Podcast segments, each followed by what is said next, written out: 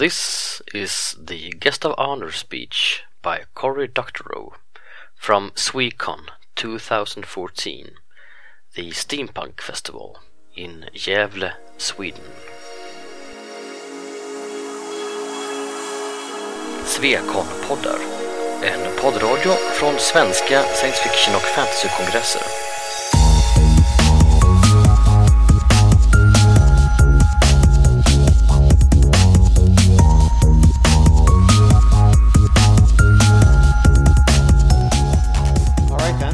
We get started? Hi. Thank you all for coming tonight, and thank you to the organizers for bringing me out. Uh, it is my distinct and sincere pleasure to be in front of you. Um, I have to warn you that I am one of nature's fast talkers. And uh, this is a problem when I speak to uh, people whose first language isn't English. The problem of being a person whose first language is English is that there's so much media in your language, and there are so many people who have gone to the trouble of learning it that there's not really the same impetus driving you to learn a second language. And so we Anglos tend to be uh, monolinguist, kind of impoverished in our, in our ability to communicate with the rest of the world. And when I was a delegate at the United Nations, I would stand up and speak, and I would speak as slowly as I could. I would speak so slowly, I would feel like it was kind of a joke on speaking slowly. And I would turn around and I would see the simultaneous translation corps in their booths, and every one of them would be going like this. so when I speak too fast, I invite you to wave me down. I will not be in any way offended, and I will happily slow down for you. So, that said, let's go on to tonight's talk. Um, the title of tonight's talk is Power Comes Out of the End of an Ethernet Cable. This is not a, a, talk about power over Ethernet. This is a talk about power through the internet. Now, the internet does a lot of things. Uh, we use it in a lot of different ways. It delivers our email and our social networking. It's how we do e commerce. It's potentially history's greatest pornography distribution system. It does a lot of digital content delivery. Netflix certainly does a roaring trade over your internet connection. But none of those things are why the internet is successful. None of those things are why the internet is the medium that has grown to subsume all other media. The thing that makes the internet important and significant and successful is that it lowers coordination costs. It cheapens the cost of doing things together. And doing things together is not just some sort of hippie-ish naive dream. It's actually the origin of our species. When our distant hominid ancestors began to cooperate, which is to say, you look out for tigers, I'm going to go get some fruit, that guy's watching the kids, um, we developed the neocortex, the new bark, the part of our brain that kind of wraps around the rest of it. And it's what makes us us. It's what makes us different from other animals. And what it does is it manages our coordination, it manages our social relationships. It's how we, we, um, we are able to do things like predict if you ask Bob to look out for tigers, he will sleep in the tree. And uh, if any tigers come by, we're all dead, right? So this is an important part of your, your brain to have developed. And, and the development of this sense of what other people are likely to do and the ability to coordinate with them was a very significant watershed in our history. And everything since has been about refining our coordination. Because if you can coordinate with other people, you can do something that transcends what one person can do. Right? To be superhuman is to exceed the limits of one person's ability to act. And the cheaper the coordination costs are, the less it costs to do things together, the more things we can do together.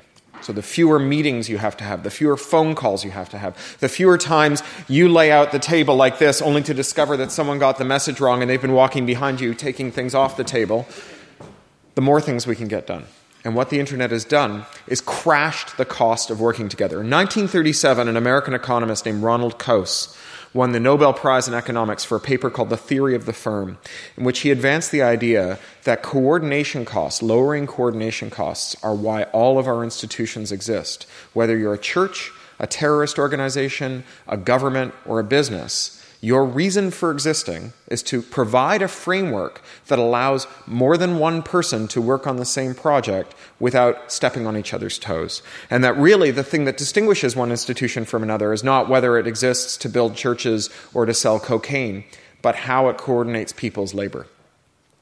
Um, The internet as a machine for lowering coordination costs is different from all the machines that have come before it. It is sui generis, it has its own logic and its own economics. On the one hand, the internet's origin is in a design for a network that is decentralized and resilient. You may have heard a, a, story that the internet was designed to be a network that could withstand a nuclear war. That's actually not true. But it, uh, it was designed to withstand events that knocked large pieces of it offline but would still allow it to run. The networks that it displaced were like old style phone networks. My uh, great uncle was the curator of the Popov Museum in St. Petersburg, which is a technology museum, which is stuffed full of beautiful old mechanical Ericsson switches. And on the eve of the Russian Revolution, Trotsky sent a cadre to the Post and Telephones office to seize it. Because once you controlled that one office, you controlled all the communications in Russia because the old network designs were designed around this idea that there was one place where all the communications went into and flowed out of again. And if you can control that, you could shut it down. So, one hand grenade, no more network. Right? It's very hard to trust important things to networks that have central points of failure. So, the revolution of the internet's design was a design that would work without there having to be any central nodes. And on the other hand, Networks have what we call networked effects that work against decentralization. The most famous of these is something called Metcalfe's law. Bob Metcalfe, the inventor of Ethernet, described the law of networks. He said, A network grows at the square of the number of people who use it. And the example that he used to demonstrate this is fax machines. If you have one fax machine, it does very little. As soon as there's a second person, you and that other person can exchange faxes. But when you add a third person, you don't now have um, uh, just one more way that you can send faxes. You have two more ways that you can send faxes. Alex can send faxes to Bob. Bob can send faxes to Carol. Carol can send faxes to Alice. And it increases exponentially. Every time you add another fax machine, the number of things you can do with your fax machine increases exponentially. So, networks are powered by network effects, which means that if you have a technology that is successful, like, say, Facebook or Google, where the number of Facebook users exponentially increases the value of Facebook because the likelihood of the person you want to talk to being on Facebook increases every time someone new joins the network. Um, then what happens is that as soon as a network starts to grow, it tends to continue to grow very quickly. And so you get these pools of centralization all over the internet. This one place where a single well placed hand grenade or a single uh, legislative in- initiative or just a single company gone bad can wreak enormous havoc. But um, these are magnified by, uh, these network effects are magnified by something called lock in. Um, and uh, an, an underappreciated fact of technology is it's actually not hard to connect one computer to another, to open a Word document even if you don't have a copy of Microsoft Word, to play a Nintendo game even if the Nintendo game system isn't around anymore. It's not hard to figure out how to, how to get a printer manufactured by one company to work with a computer manufactured by the other company. That's, that's not very hard, and yet companies have always strived to make it hard for their com- competition to connect, to interconnect to them. Because everybody wants to be in, in Gillette's business. Everybody wants to sell you a computer and then sell you all the things that plug into the computer and make it so that you can't buy a cheaper thing from someone else. Everybody wants to sell you a Mac and then an iPhone and then iTunes. And they want to lock you into that ecosystem so that every, once you buy the first thing, as you buy new things, your ability to go, you know what, this isn't working for me, I'm going to go buy something else, uh, goes down and down because the amount of stuff you're going to have to throw away to get somewhere else uh, goes up and up every time you invest. So lock in drives this, this network effect too, where you get this heavy centralization. But lock in is not really a technological phenomenon. It is not, as I say, particularly hard. There are some minor hurdles that you have to overcome, but it is not particularly hard to get one thing to talk to another thing. Um, we, we, we have programming languages for converting data formats. Data formats themselves are pretty straightforward to understand, even with a little trial and error. All of that stuff is pretty easy to, to manage, and yet we have massive lock in. And the reason we have massive lock in is because we have laws that enforce massive lock in. And these laws fly in the face of everything we know about economics and good governance. Every uh, economist who's ever looked at the question of lock in has said that lock in does not produce good outcomes. It makes companies lazy and it deprives their customers of money that they could uh, retain to buy more things because what companies do when they have lock in is they raise their prices. And so economists and competition bureaus and governments around the world have always favored your right to figure out how to put someone else's wiper, wiper blades on your windshield wipers, or to how to uh, have a third party make shelves that fit in your fridge, or how to put someone else's cutlery in your IKEA cutlery tray. Um, and th- this idea, which is called adversarial compatibility, com- being compatible with someone else, even when they don't want you to be compatible with them, is total economic orthodoxy. And yet, in technology, we have this idea that um, it's not, uh, at least in policy circles, that this isn't something we want. That your right to add something to, com- that, to something that company A has made by buying it from company B or company C, or by making it yourself, or by coming up with a thing to do with the thing company A has sold you that they never considered, that right is actually today in, in modern policy circles and technology considered to be properly the company's right. So at one point I worked in standardizing European digital television. And the uh, Motion Picture Association of America had uh, wanted to have all these flags they could set on programs that would decide what your set top box could do and not do with your TV. And one of them was they wanted to be able to say on a program, if this flag is set, only allow the program to be watched in the same room that your set top box is in, and don't let you retransmit it to your bedroom upstairs. And I said, well, wait a second, what law do you think allows someone who makes a TV show or transmits a TV show decide what room you watch it in. They said, look, watching a TV show in a room that isn't the room that, that it's being received in has value. And if it has value, we have the right to that value as the people who made the TV show. This, this if value then right theory of economics is um, it's like the urinary tract infection business model right? Whereas normally with technology, all the value flows in a nice healthy gush. You know, if you want to pause the TV show you're watching on your VCR, you just pause it. If you want to rewind it, you rewind it. If you want to back it up, you plug another VCR in. If you want to run it into another room, you get a piece of wire. That all that value flows in a healthy gush. The idea of this of blocking adversarial compatibility is to have it flow in a painful dribble so that every time you want to do something new, you have to ask someone's permission and potentially pay for it.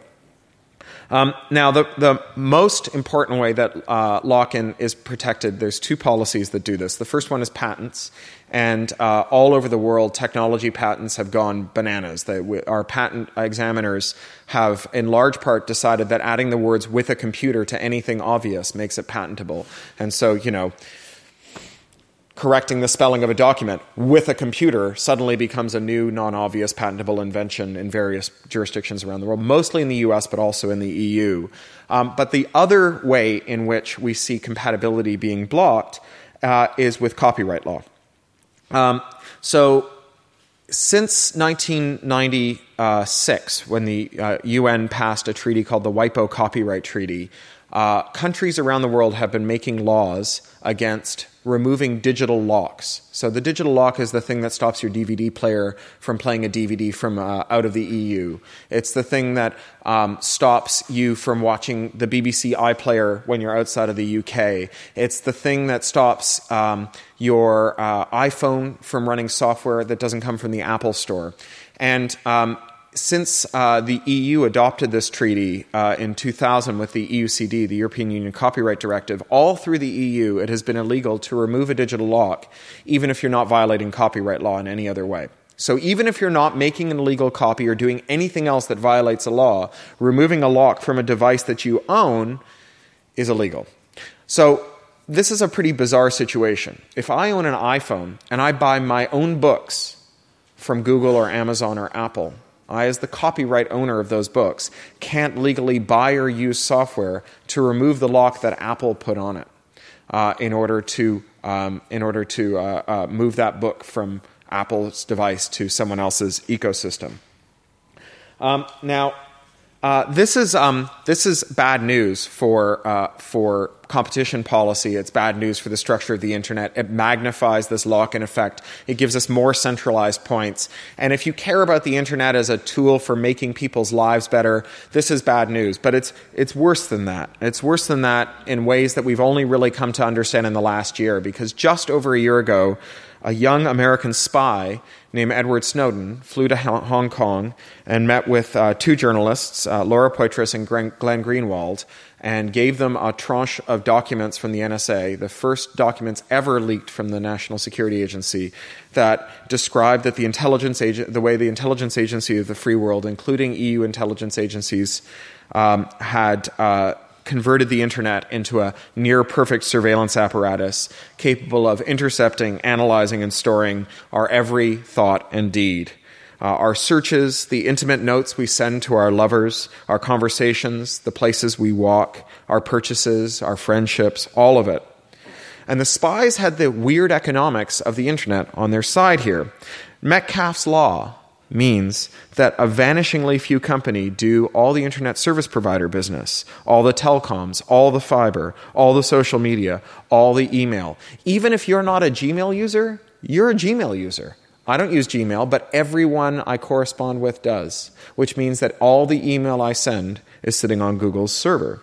And the rules against reverse engineering and against adversarial compatibility means that it's hard to know exactly what your computer is doing.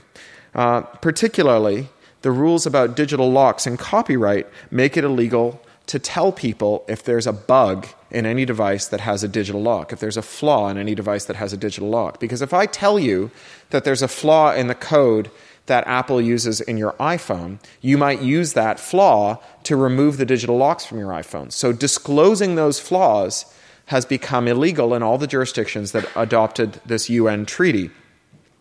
So, um, uh, these laws, these flaws, rather, these errors in our digital rights management protected devices, our digitally locked devices. These are the same flaws that spies use to spy on people.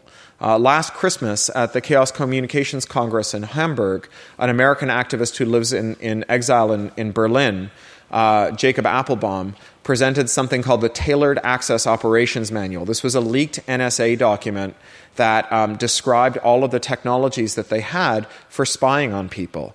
And in that catalog, which, is, which was used for one, by one of their technical groups, they supplied it to all the other spies in the, in the organization. So if you needed to spy on someone with an iPhone, you could go to them and they would give you an iPhone hack that would let you take over someone's iPhone. Um, that these are full of flaws that we're not allowed to talk about because talking about them would let you buy software from someone other than Apple. And Apple would lose the 30% royalty that they take from everyone who sells them software. Apple didn't do this, doesn't rely on this system because they want to help the NSA spy on you. They did it because they don't care if it helps the NSA spy on you, as is true of all the other digital rights management vendors, Adobe, and these days even Mozilla uh, are in the game, as well as Google and so on. Um, they're not, they, they didn't intentionally concentrate all the communications in one place to make it such that if the uh, NSA wanted to spy on everyone's communications, they just had to put taps in two or three fiber optic lines. They didn't intentionally fill your house and your pockets and your bedrooms with devices whose inner workings you're not allowed to know about and that can be used to spy on you. They just did it because it was good business and because none of the rest of the stuff mattered to them in any particular way. Um, so this is a fucking disaster. Seriously because the internet is a coordination cost solving machine that scales on network effects, and it has become the nervous system of the 21st century, and it has permeated every corner of our existence. Everything we do today involves the internet, and everything we do tomorrow will require the internet. And if we don't do something about this, it will get worse quickly, and not a little worse, a lot worse. Spies aren't the only ones who want to watch us through our cameras and listen to us through our microphones and intercept our keystrokes. Um, last month, uh, a global network of what are called ratters were arrested by um, uh, uh, various police departments led by the Federal Bureau of Investigations in America. And ratting stands for Remote Access Trojan. And a remote access Trojan is a piece of malicious software that you are tricked into installing on your computer that um, gives the person who operates it access to your camera, your microphone, your keystrokes, your hard drive, um, all of the all of the stuff that um, your computer knows about you. And these ratters had between 100 and 400 victims each. Largely, they targeted young women. And mostly, what they did is uh, something that the popular press calls sextortion, which is they would uh, capture incidental images of these women in the nude as they were getting dressed in front of their computers or phones. And then they would threaten to release those images on the internet uh, using their social media accounts, whose passwords they'd also hacked uh, through the remote access Trojan unless the women performed live sex acts for them. Many of them had minors that they were exploiting. Uh, last year, the uh, reigning Miss Teen America USA, Cassidy Wolf, was ratted by an extortionist who uh, she called the FBI on. And when they arrested him, he had over 140 victims, including minor children in the EU, uh, one as young as 12, who he was sexually exploiting using this software. So, um, not knowing what your computer is doing uh, puts you in substantial harm's way, even if you think spies are okay, even if you're not worried about what the spies are doing. And the cameras and the microphones are not just in your laptops and your phone anymore.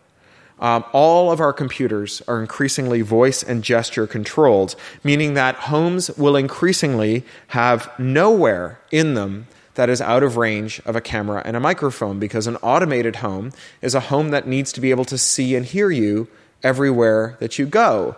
Not knowing what your computers are doing, it will increasingly mean that you won't be able to control whether or not someone is watching and listening to you all the time, everywhere, even in your own home.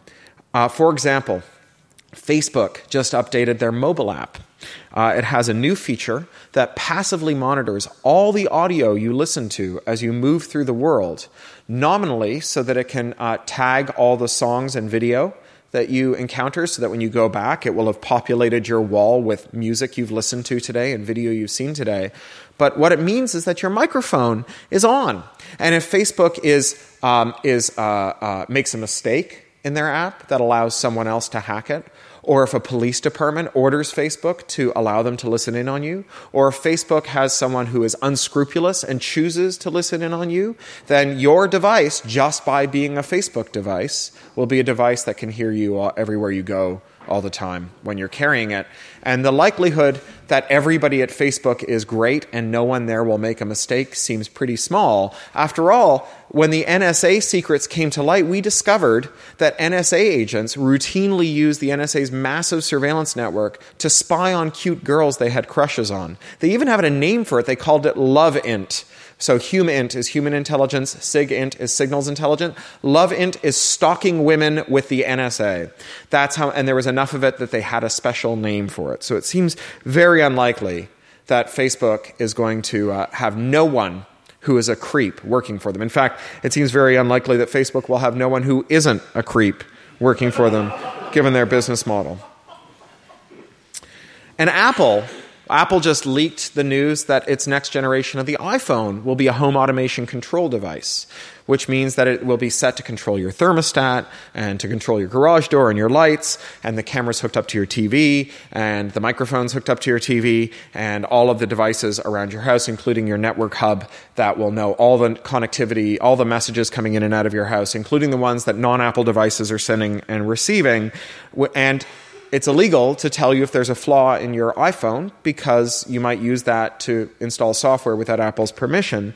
And what that means is that if someone either takes over Apple's operating system or subverts Apple by leaning on them because they're a, a corrupt government, or if there's someone at Apple who is corrupt, that the risk to you is almost unlimited. I mean, you could imagine, for example, uh, Belarus's uh, Alexander Lukashenko deciding one day to use his state lawful interception apparatus to decide who represented a danger to his state and shut off their power in the middle of winter. Um, that's not so implausible, especially since we have very helpfully articulated for the world's dictators who all of our friends are in case they want to know who are the people who are in touch with the bad guys or the bad guys that they don't like very much. That's why in Syria and Egypt, um, people have encountered roadblocks in which both uh, dissident and government forces order them to log into their social media accounts so they can see who their friends are and figure out whether or not they're on the right side or the wrong side. And people on the wrong side get shot or go to jail. Um, so that's the bad news. And here's the good news. The good news is that there's only one person in the world who is willing to talk, who knows what the NSA can and can't do, and his name is Edward Snowden and he tells us that the cryptography tools that we have work. That the NSA does not know how to decrypt properly encrypted communications. It turns out that the universe wants us to have secrets. We have it in our grasp to use the computers that we have in our pockets, in our, in our, in our bags, computers that you can buy for a few kroner or a few euro. You can use those computers to scramble a message so thoroughly that even if you took every hydrogen atom ever created and turned it into a computer and set it to work doing nothing until the heat death of the universe, except for trying to crack your communications that had been scrambled by you, that you would run out of universe before all those computers managed to figure out what was in that message unless you decided to let them know. We can talk to each other with privacy and integrity. We can coordinate with each other. We can use the internet's communications power to solve our coordination problems uh, in novel ways. So, think for a moment about what we can do by lowering communication costs to address corruption and bring politicians and governments and uh, companies to heel. Uh, think for, about politics for a moment. We just had the, the EU election. Um, and in the EU election, there were a lot of uh, third parties that had um, fairly progressive politics that were campaigning in my uh, district in London. The Greens uh, uh, came in second, as they always do. We have a safe seat for Labour because although Labour has swung very far to the right, um, everybody who uh, cares about these political issues knows that voting against Labour, like voting for the Greens, gives the vote to the Conservatives. And so um, you either stay home if you can't hold your nose and vote Labour, or you vote Labour. And so Labour always wins. Because if you're a door knocker from the Green Party and you show up and you say, I'd like you to vote Green, you're really saying, I'd like you to throw away your vote. But think about what Kickstarter has done and how we could apply it to politics. Imagine if the next third party candidate who came and knocked on your door didn't say, please throw away your vote on me. Instead, they said, I don't want you to throw away your vote. You're right. If it's a choice between Labour and the Tories, Labour is marginally better. Um, but here's what I want you to do right here and right now. I have this tablet, I have this device. I want you to register on this device that if 10,000 of your neighbors are also willing to vote green, that you'll vote green too. Give me your mobile number, and on election day, I'll text you and tell you how many of your neighbors have pledged to vote green. And that way you can find out whether or not it's a waste of your vote, right? You could change the entire dynamic of how third party politics work, uh, and you could move from a system of entrenchment where both parties or the three major parties are all beholden to the establishment to one in which the way that you voted actually mattered. Um, uh, imagine how we could apply this kind of dynamic to corporations that run out of control. So, um, normally, when you see uh, corruption problems in our society, they're caused by what economists call negative externalities. It's a, a, a way of saying that if I um, log wood up the river for pulp and paper and produce a lot of uh, PCBs uh, through the bleaching process, and I dump them in the river, I save a fair bit of money. And then everybody else has to spend a lot more money to get the PCBs back out of the river, right? The easiest way to solve the pollution problem is not to pollute, but your costs, as the people who need to drink the water with the PCBs in it, your costs are diffused, right? Each one of you is paying a few thousand kroner to purify your water. My benefits are concentrated. I get hundreds of thousands of kroners in savings by not having to purify my PCBs before I dump them in the river. And I take that and I go to the parliament and I get politicians to pass laws that make it harder to stop me polluting. Right? Lather, rinse, repeat. You've got the world that we live in today. Now, there's an old movie that I really like. It's, a, it's a, an American adaptation of a Japanese movie called The Seven Samurai. And the American version is called The Magnificent Seven. You may be familiar with it. And it's about a little village in Mexico where every year the bandits ride through and uh, they take all the food and uh, they shoot anyone who, who gets in their way. And um, no one of the villagers can stand up to the bandits. But one day, the villagers all get together and they say, fuck those guys. We're taking all of our money and we're going to, instead of using it to replace the food the bandits are going to steal this year, we're going to use it to hire mercenaries to kill the bandits. So imagine how you could do that with companies, right? In the UK, we have fracking, shale gas fracking. So people turn on their faucets, fire comes out of it, right? Now, same problem. Con- uh, concentrated benefits, right? the shale gas companies make uh, oodles of money from, from bringing shale gas out of the ground. Uh, diffused costs. Everybody has to spend money buying bottled water, uh, dealing with the long term health effects of this, and so on. Now, imagine if we turned around one day and we said, This year, instead of buying water filters, I will pledge that if 10,000 of my neighbors will put 1,000 pounds in, I will also put 1,000 pounds in. And we will raise a million quid, 10 million quid, for any white shoe, rabid attack lawyer who wants to go and reduce the uh, um, fracking company to a smoking ruin, right? At this point, you will have silks prostrating themselves at the, uh, at the doorsteps of frack blasted hamlets in the post industrial British North begging for the business, right? So we have it in our power to use networks in ways that they have never been used before. We have a mechanism by which we can make evidence based policy and good governance the order of the day, holding everyone from big pharma to big telecoms companies to account. But this only works if the network is free and open. So there are organizations that work for this. Um, I have a lot of time for the Pirate Party, uh, which is a made in Sweden phenomenon, um, the Electronic Frontier Foundation, the Open Rights Group, EDRI, the European Digital Rights Initiative, Creative Commons, all work on these issues, as does Free Software Foundation Europe. They're all organizations that will take your money, that will take your volunteer time, that will give you chores that you can do depending on your level of engagement and your, your position in your life. In addition, to working on these structural reforms, we need to secure ourselves. So there is a suite of tools that you can use to make it so that um, casually spying on you is hard. Now, it will never be impossible to spy on people. I don't know that we want it to be impossible to spy on people. If governments have a legitimate interest in finding out something about you and they get a warrant, you know, maybe they have to send someone to break into your house and put a put a camera over your computer to capture your keystrokes or install something in your computer.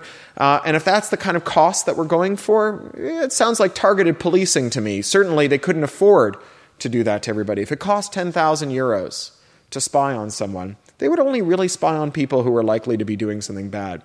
Right now, the cost is almost nothing, and certainly the cost to spy on a new person. Right, once you're spying on Gmail the next Gmail user who signs up costs you nothing to spy on them too. So, how do we raise the cost to 10,000 euros per person? Um, there's a suite of tools you can use. If you want to replace your operating system or use an operating system for something that is uh, very sensitive, you can download a free open version of the Linux operating system, the GNU Linux operating system, invented by a Swedish Finn named Linus Torvalds. Uh, and uh, this is called Tails. And Tails is a version of Linux that comes in a very secure lockdown mode so that um, it uh, is um, uh, unlikely that your communications will be spied on when you use Tails as your operating system. It's what, it's what uh, Edward Snowden used. Uh, to communicate with Glenn Greenwald and the other journalists. If you just want a browser that lets you communicate over the internet without being spied on, there's something called the Tor Browser Bundle uh, which is a version of Firefox that by default uses the Tor anonymizing network to secure and anonymize your traffic as it passes around the internet. If you want to chat, there's something called OTR, off the record, that allows you to chat in ways that are not only private now, but have what's called perfect forward secrecy, which means that if in the future someone figures out how to break OTR, they won't be able to go back in time and take captured encrypted communications and decrypt them uh, uh, in the past. Um, now, if you've ever used some of these tools, you'll know that they're tricky. They're, they're kind of wonkish.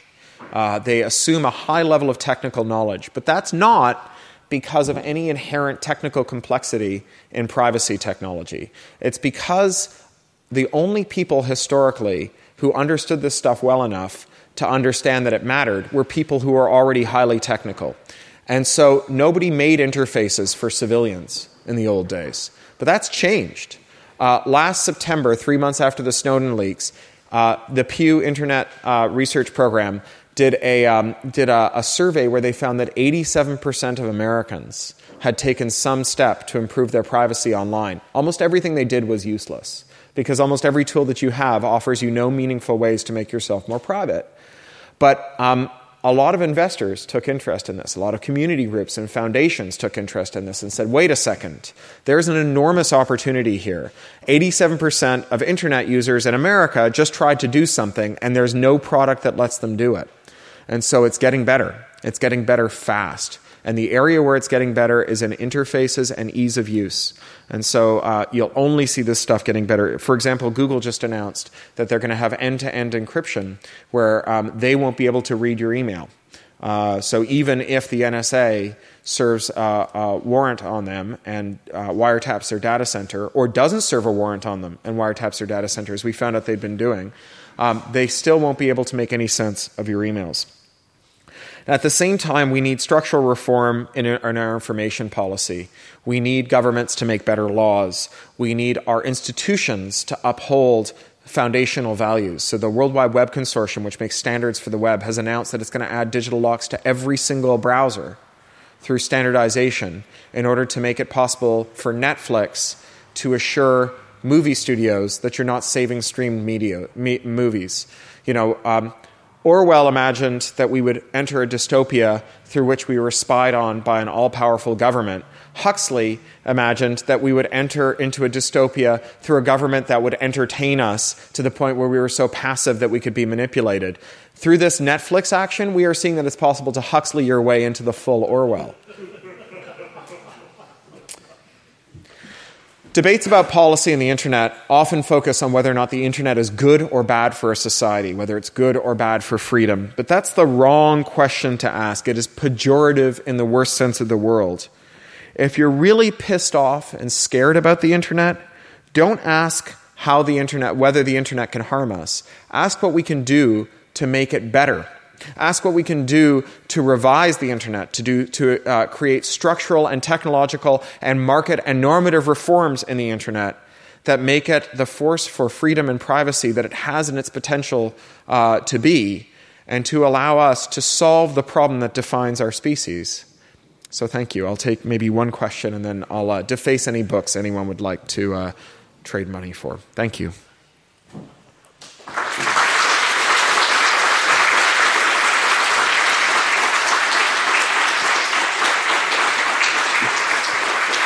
So let's do maybe one or two questions. I remind you, a long rambling statement followed by what do you think of that is technically a question, but it is not a good one. Anyone? I know that's all very non controversial stuff and very obvious. No? Okay, go. Yeah.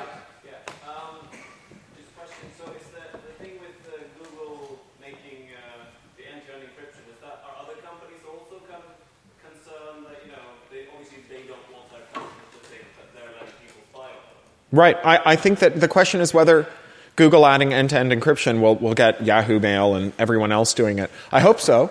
I certainly think that there's, um, there's scope for that. Uh, the, um, uh, it, it is, I mean, you know, I'm not someone who believes markets solve all problems, but it's certainly been the case for a long time that if you wanted, you know, if you wanted to get Google to do something, get Facebook to do it, right? Uh, and um, before that, it was Yahoo, right? Why did Google end up in China? Because Yahoo was in China. Um, and so, yeah, I, I certainly hope so. And maybe one more question because that was short. No? Okay, then. Well, um, the, uh, uh, uh, uh the bookseller back there has got a, an incredibly excellent selection of my books, and I will be back there defacing them and rendering them non returnable for all comers. So,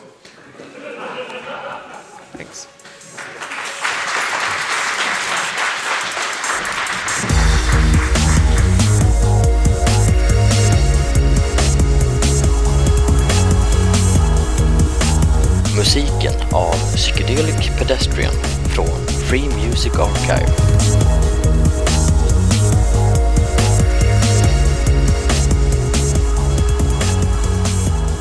Besök gärna vår hemsida på svekonpoddar.se